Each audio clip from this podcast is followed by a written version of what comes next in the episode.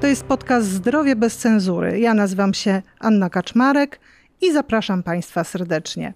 Dzisiaj porozmawiamy bez cenzury o zawale serca. Moim i Państwa gościem jest wybitny kardiolog, profesor Robert Gill, kierownik Kliniki Kardiologii Inwazyjnej CMKP w Centralnym Szpitalu Klinicznym MSWiA w Warszawie, dyrektor warsztatów kardiologii interwencyjnej w Warszawie. Witam Państwa serdecznie. Część osób pewnie myśli, jak powiedzieliśmy, że będziemy rozmawiać o zawale serca, że pewnie ich to nie dotyczy. Mają 30, 30 kilka lat, myślą sobie, że zawał to może rodzice albo dziadkowie. Czy oni dobrze myślą, panie profesorze, czy 30-30-parolatek e, nie może mieć zawału serca? Jeśli to jest przeciętny 30-latek, który ma poczucie zdrowia, nie rozgląda się w koło, jak, jego, e, jak się wiedzie zdrowotnie jego rówieśnikom, nie zrobił sobie żadnego bilansu zdrowotnego, czyli po prostu nie wie nic o sobie, to może popełnić ogromny błąd. Co innego, jeśli dokonał takich e, e, wykonał badania, analizy, spotkał się z kardiologiem, chociaż ze swoim lekarzem rodzinnym, który mu zinterpretował wyniki laboratoryjne, to można sobie można mieć nadzieję, że mnie to nie dotyczy. Natomiast w innym przypadku piorun może trafić każdego. A kto najczęściej dostaje zawału? Czy możemy powiedzieć, że są takie osoby, które są bardziej predysponowane? No, przez lata istniało takie przekonanie, że mm, osoby z tak zwanym krewkim charakterem, czyli charakterologicznie typu A, y, ludzie, którzy bardzo emocjonalnie podchodzą do, do życia, do swoich problemów, E, ci są bardziej predysponowani. I pewnie tak jest, e, bo mm, stresogenny tryb życia e, na pewno sprzyja wystąpieniu ostrego zespołu wieńcowego w masce ostrego zawału serca. Ale wydaje mi się, że dzisiaj przy mm, tak źle prowadzącym się społeczeństwie, Żyjemy bardzo wygodnie, rezygnujemy z wysiłku fizycznego. E, jemy rzeczy smaczne, niekoniecznie zdrowe. Pijemy za słodkie, jemy za tłusto i do tego wszystkiego nadużywamy, y, już nie mówię tylko słodzonych y, napitków, ale również alkoholu. To wszystko sprzyja mm, postępowi miażdżycy. Dzisiaj przy mm, takim braku zróżnicowania zachowania się poszczególnych grup wiekowych, ta, mm, ten okres y, pierwszych y, mm, zawałów, y, on się bardzo w wieku przesunął. To są również stosunkowo młodzi ludzie. Ja może powiem teraz rzecz, która mhm. zaskoczy naszych słuchaczy, ale przed pandemią regularnie w przeciągu ostatnich czterech lat, z tego co ja pamiętam, w okresie maratonu warszawskiego myśmy mieli minimum jednego, najczęściej dwóch zawodników, którzy trafiali do nas z niewydolnością wieńcową. No ale to przecież wysportowani, zdrowi A. ludzie. Tak, ale maraton to 42 i tam prawie i kilkaset metrów y, do tego wszystkiego. Maratonów biega się w, w ciągu roku, tylko tam nie powinno się chyba trzech przekraczać. Biega się na krótszych dystansach, nie biega się na takim stresie, a jeśli do tego dojdzie jeszcze mm, e, ciężka pogoda, w sensie dużo słońca, organizm odwodniony, mm, e, gdzieś tam niedospanie, to w rezultacie wtedy możemy, możemy mieć tego typu, tego typu powikłanie. Mm, z całą pewnością stres związany z samym startem i taki przedłużony wysiłek u części pacjentów kończy się y, właśnie zawałem mięśnia sercowego.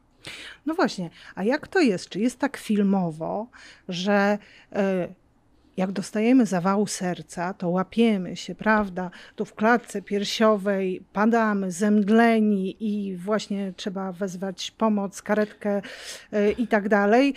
Czy te objawy wcale nie są takie jak z filmu? Gdyby to było tak jak z filmu, to lekarz nie byłby potrzebny. Starczyłby prosty program komputerowy, w którym by się wrzuciło 3 czy 4 objawy i program by nam powiedział, czy to już, czy jeszcze mamy czas. Mhm. Prawda niestety jest taka, że Zawał jest jedną z części, jedną z postaci, nie, nazwijmy to niewydolności wieńcowej. Ta niewydolność wieńcowa w zależności od, od mechanizmu wywołującego zaburzenia ukrwienia mięśnia sercowego kwalifikowana jest jako tak zwany ostry zespół wieńcowy z uniesieniem ST. Kiedyś to był tak zwany pełnościenny zawał mięśnia e, sercowego. To jest albo to może być również e, taki troszkę słabszy zawał, jak to e, zwykle, mhm. zwykle mm, potocznie się mówi, czyli ostry zespół wieńcowy bez przetrwałego uniesienia ST. Kiedyś to się mówiło zawał mniejszy, potwierdziowy, nie, nie, nie, nie, niepełnościenny. To są gry, można powiedzieć, słów i rozpoznań, które na przestrzeni ostatnich dwudziestu kilku lat no bardzo się pozmieniały. Ja mówię tutaj w uproszczonym języku, mhm. żeby nasi słuchacze e, to zrozumieli. Oczywiście. Fachowcy do tego zupełnie inaczej podchodzą, ale jedną z trzecią z form e, ostrych zespołu, ostrego zespołu wieńcowego, czyli niewydolności wieńcowej wynikającej z braku właściwego ukrycia mięśnia sercowego jest niestabilna dusznica bolesna, w której nie dochodzi do martwicy, ale klinicznie bóle i mhm. mnóstwo innych objawów również występuje. Czyli można by powiedzieć, że ten obrazek, który pani przed chwileczką mm -hmm. zademonstrowała naszym słuchaczom, to on w, w, pewnym procencie tego największego zawału, tego -hmm. z, z mm, przetrwałym uniesieniem ST, z prawdziwą martwicą wynikającą z, z zablokowania przepływu w dużym naczyniu wieńcowym, to takich pacjentów oczywiście też mamy, ale jakbyśmy mieli to procentowo określić, to nie wiem, czy jest to 30%, y, to góra 30% pacjentów trafiających zawałem serca do e, szpitala. E, a czy zawał serca można pomylić na przykład z objawami żołądkowymi? Nie tylko, również z neurologicznymi. E, my zwykliśmy rozumieć, że zawał mięśnia sercowego ma klasyczne objawy i innych nie ma. To błąd. Te klasyczne objawy, między innymi to ten ucisk e, cegły e, na klatce piersiowej, to chwytanie się pacjenta za okolicę przedsercową, to e, ból w rzucie w szyi, promieniujący do łokcia, do, do, do palców, zwłaszcza lewej, lewej ręki. To są typowe objawy, które trwają zazwyczaj ponad 15 minut, mhm. na które, które nie ustępują po wzięciu e, czy wziewnie, czy podjęzykowo nitroglicerynę. To jest taka klasyka. Natomiast mhm. mamy e, oczywiście tak zwane objawy atypowe, czyli takie, które, które niekoniecznie, znaczy jest to, jest to zlepek, można powiedzieć, zbiór różnych dolegliwości klinicznych, gdzie między innymi może być ból w klatce piersiowej, ale ani on dominujący, ani jedyny. A do tego wszystkiego można jest wyznaczyć tak zwane nietypowe i te nietyp, to wśród tych nietypowych to mogą być objawy e, właśnie gastryczne, czy, mhm. czy, czy, czy też neurologiczne, czy też reumatoidalne, czyli jakby ten zestaw objawów, e, który wiąże się z zaburzeniem uchwienia serca, E, e, potrafi zaskoczyć i z e, lekarza mm, badającego mm, chorego na izbie przyjęć i również zdarza się popełniać błędy. A czy to prawda, że to kobiety przodują w tych e, takich e, trochę innych objawach zawału serca? Dużo w tym prawdy, ale też zależy w jakim wieku kobiety, mhm. bo co tu dużo mówić, kobiety są chronione przez przez żeńskie hormony płciowe. Mhm. I dopóty, dopóki tych hormonów nie braknie, kobieta prowadzi się e, prozdrowotnie. Ale czy to znaczy, że w ogóle nie może mieć wtedy zawału serca? Yy, tak na razie chyba. mówimy o, na razie mówimy, na razie roz, nie ma na to prostej odpowiedzi, mhm. ale na razie mówimy o zestawie objawów klinicznych, które, mhm. które mogą nasuwać podejrzenie właśnie mhm. toczącego się zawału. To Powiem szczerze, że e, u tych mm, kobiet do 55 roku, roku życia, to śmiem tych dobrze prowadzących się prozdrowotnie, e, to trzeba powiedzieć, że te objawy są najczęściej atypowe. No właśnie One są właśnie atypowe. E, dlaczego tak jest, trudno mi, trudno mi powiedzieć, ale jednocześnie w tej grupie kobiet bardzo często jest nad nadinterpretacja w, w, rozpoznań w kierunku zawału mięśnia sercowego. Tu bardzo często zdarza się, że te objawy są po prostu strasznie mm, niejednoznaczne. Ale musimy sobie o jednej rzeczy powiedzieć. Mhm. W dzisiejszych czasach postawienie rozpoznania zawału mięśnia sercowego to nie jest kwestia tylko wywiadu. No. To nie jest tylko kwestia objawów klinicznych. My się musimy y, opierać również na zapisie elektrokardiograficznym, mhm. na badaniach laboratoryjnych pokazujących nam, e, czy tak zwany tak zwane enzymy wskaźnikowe dla, dla, dla martwicy mięśnia sercowego mhm. są podwyższone czy nie, możemy również od, y, y, skorzystać z badania ultrasonograficznego serca, patrząc, czy, wygląda, czy, czy, czy występują tam zaburzenia funkcji poszczególnych struktur mięśnia sercowego, a przede wszystkim, czy są zaburzenia kurczliwości. I e, ten, można powiedzieć, zestaw tych trzech mhm. danych plus klinika jest w stanie nam podpowiedzieć, czy też e, naprowadzić nas na prawidłowe rozpoznanie.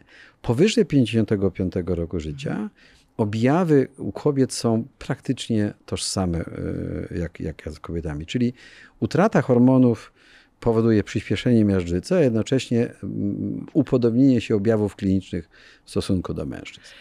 A proszę mi powiedzieć, panie profesorze, bo tak, no podejrzewamy, że coś się z nami jednak złego dzieje.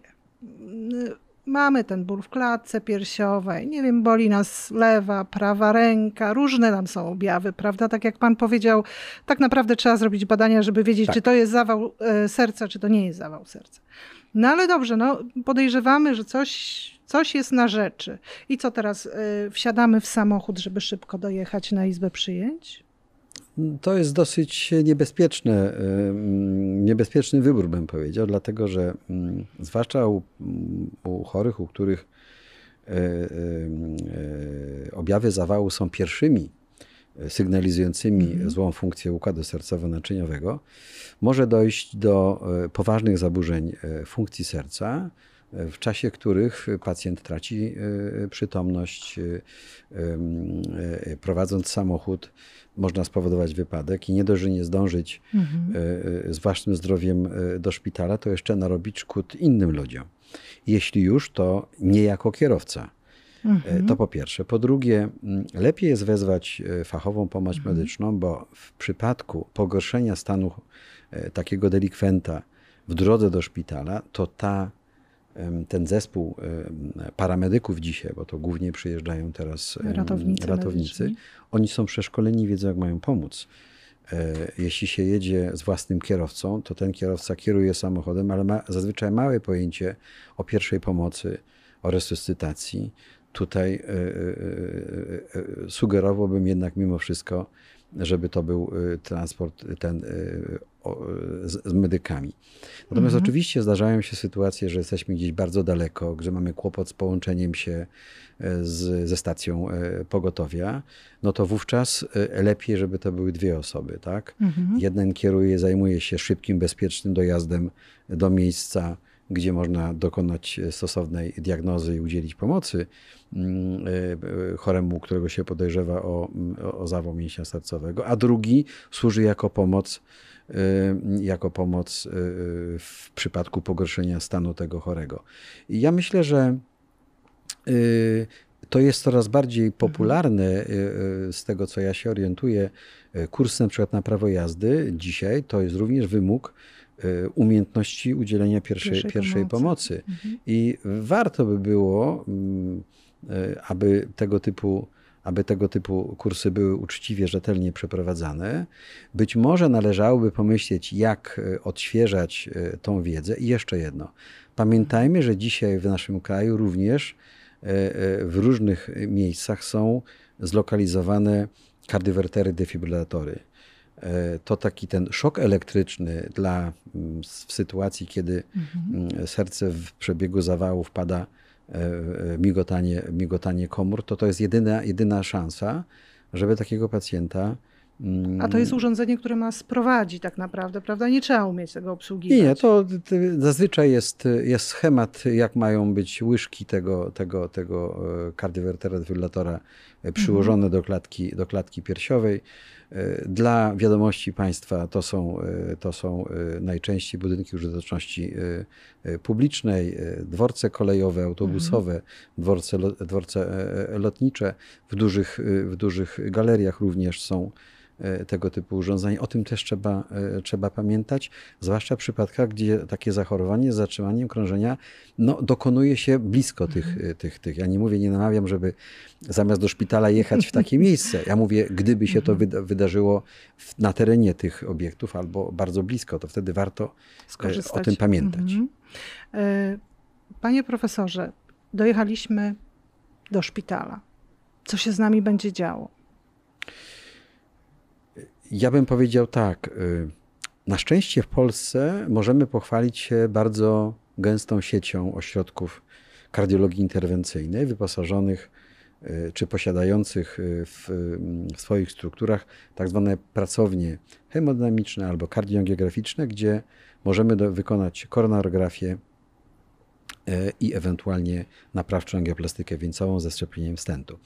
Mówimy oczywiście o sytuacjach, w mhm. których czy w SORze, czy w, w, Izbie Przyjęć potwierdzamy wstępne rozpoznanie. Że jest to zawał e, serca. Rozumiem, mhm. że zebrany wywiad wcześniej przez e, E, przez e, ratowników przesłane EKG e, telemetrycznie do środka mhm. dyżurującego z potwierdzeniem, że tak to wygląda na zawał.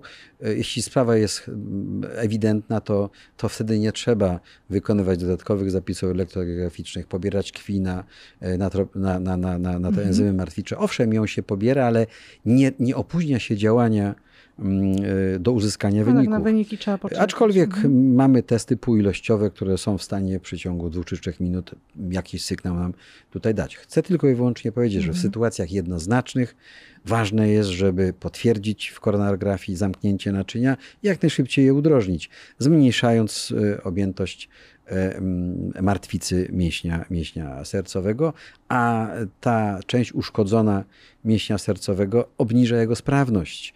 E, no tak. Staje się powodem e, narastania, rozwijania się niewydolności serca, a ta nie dość, że upośledza normalne funkcjonowanie, to skraca E, skraca życie. No właśnie.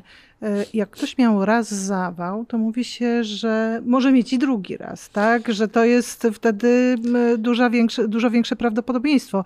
Ile można mieć w życiu zawałów i przeżyć? Uśmiecham się pod nosem, bo pamiętam swoje początki, e, gdzie powszechna wiara pacjentów była taka, że zawałów można mieć trzy, o. bo czwartego się już nie przeżywa. E, panie redaktor, zawał zawołowi nierówny. nierówny. Abstrahując od mhm. tego, czy to jest ten pełnościenny, czytaj z, z przetrwałym mhm. uniesieniem ST, czy jest ten e, podświerdziowy, czyli niepełnościenny, ten lżejszy, e, czytaj bez przetrwałego uniesienia ST, to my musimy pamiętać, że tak naprawdę wszystko zależy od tego, jakiego obszaru to dotyczy, a tym samym, która z tętnic jest zablokowana, która mhm. z tętnic dostarcza jak dużemu obszarowi mięśnia sercowego krwi. Mhm. I teraz, jeśli to będzie jakaś mała, drobna tętnica, to tych załowów można mieć na pęczki. E, natomiast jeśli to jest proksymalne e, naczynie nasierdziowe, odpowiadające za dużo, duży obszar mięśnia mhm. sercowego, a jeszcze trafia się u człowieka, który, u którego to jest w ogóle pierwszy objaw e, niewydolności wieńcowej, gdzie mięsień sercowy nie miał możliwości wykonania tak zwanego treningu niedokrwiennego. Nie przystosował się jak gdyby do tej sytuacji. Mhm. To, pani redaktor, to może być pierwszy i ostatni. No właśnie.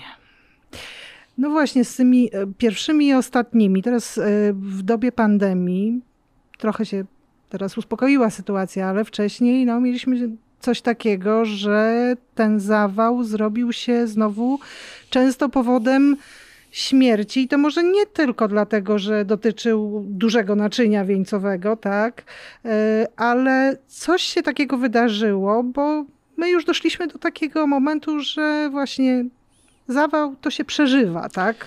Znaczy ja myślę, że są dwa aspekty. Ten mhm. ostatni, może zacznę od tego ostatniego, na który pani redaktor zwróciła uwagę. Otóż świetnie mm, skonstruowany system ośrodków kardiologii interwencyjnej z bardzo krótką drogą do zabiegu i ze sprawną ekipą, która jest w stanie w kilkadziesiąt minut załatwić sprawę, z poprawą wyników bezpośredniego leczenia, jak i poprzez wprowadzenie skoronowanej opieki u chorych z zawałem, z wydłużeniem życia również po, po tej fazie hospitalizacyjnej, to społeczeństwo uwierzyło w to, że zawał to nie jest taka groźna choroba. Dokładnie. Dzisiaj się bardziej boi społeczeństwo do, chorób nowotworowych. Tak. No, ewentualnie też duża niepewność z udarem, chociaż mhm. coraz lepiej sobie z nim również radzimy, tak. bo i tromboliza, i, e, i trombektomia mm, e, naczyniowa jest w stanie właściwie, jeśli to jest w odpowiednim oknie mm, e, klinicznym wykonane, to właściwie pacjent wychodzi z tego bez żadnego uszkodzenia mhm. funkcji centralnego układu nerwowego. A z nowotworami to tak nie jest. No Więc rzeczywiście y, ja jestem przekonany, że wśród tych 70 tysięcy nadzgonów, które w tamtym roku wystąpiły w związku z mniejszym czy większym związkiem z pandemią, mówi się o tym, że jeszcze nie znamy pełnych statystyk, chociaż z tymi polskimi statystykami to można dyskutować, no na ile tak. one są wiarygodne, na ile one są y, estymowane do końca nie wiadomo na czym ale te 70 tysięcy jest potwierdzone. Wydaje się, że tak jak y, na 8, y, y, dwóch głównych killerów Polaków, mhm. to są choroby nowotworowe i choroby sercowo-naczyniowe, mhm. one się rozkładają, to jest 80% zgonów rocznie, 80 do 85. Mhm. No to jeśli uznamy, że 50 procent to, to są, to, czy nawet 55 to, to, są, to są te zgony związane z układem sercowo-naczyniowym, czytaj najczęściej to jest zawał albo udar, a pozostałe procenty, około 30 to są choroby nowotworowe, mhm. to jeśli przyłożymy to do tych 70 tysięcy, no to wychodzi nam, że spokojnie około 40, yy, powiedzmy sobie 40-45 tysięcy to są choroby sercowo-naczyniowe. Z tego co najmniej połowy to zawały. I teraz tak, z jednej strony pacjent żyjący w strachu, że może złapać covid w szpitalu.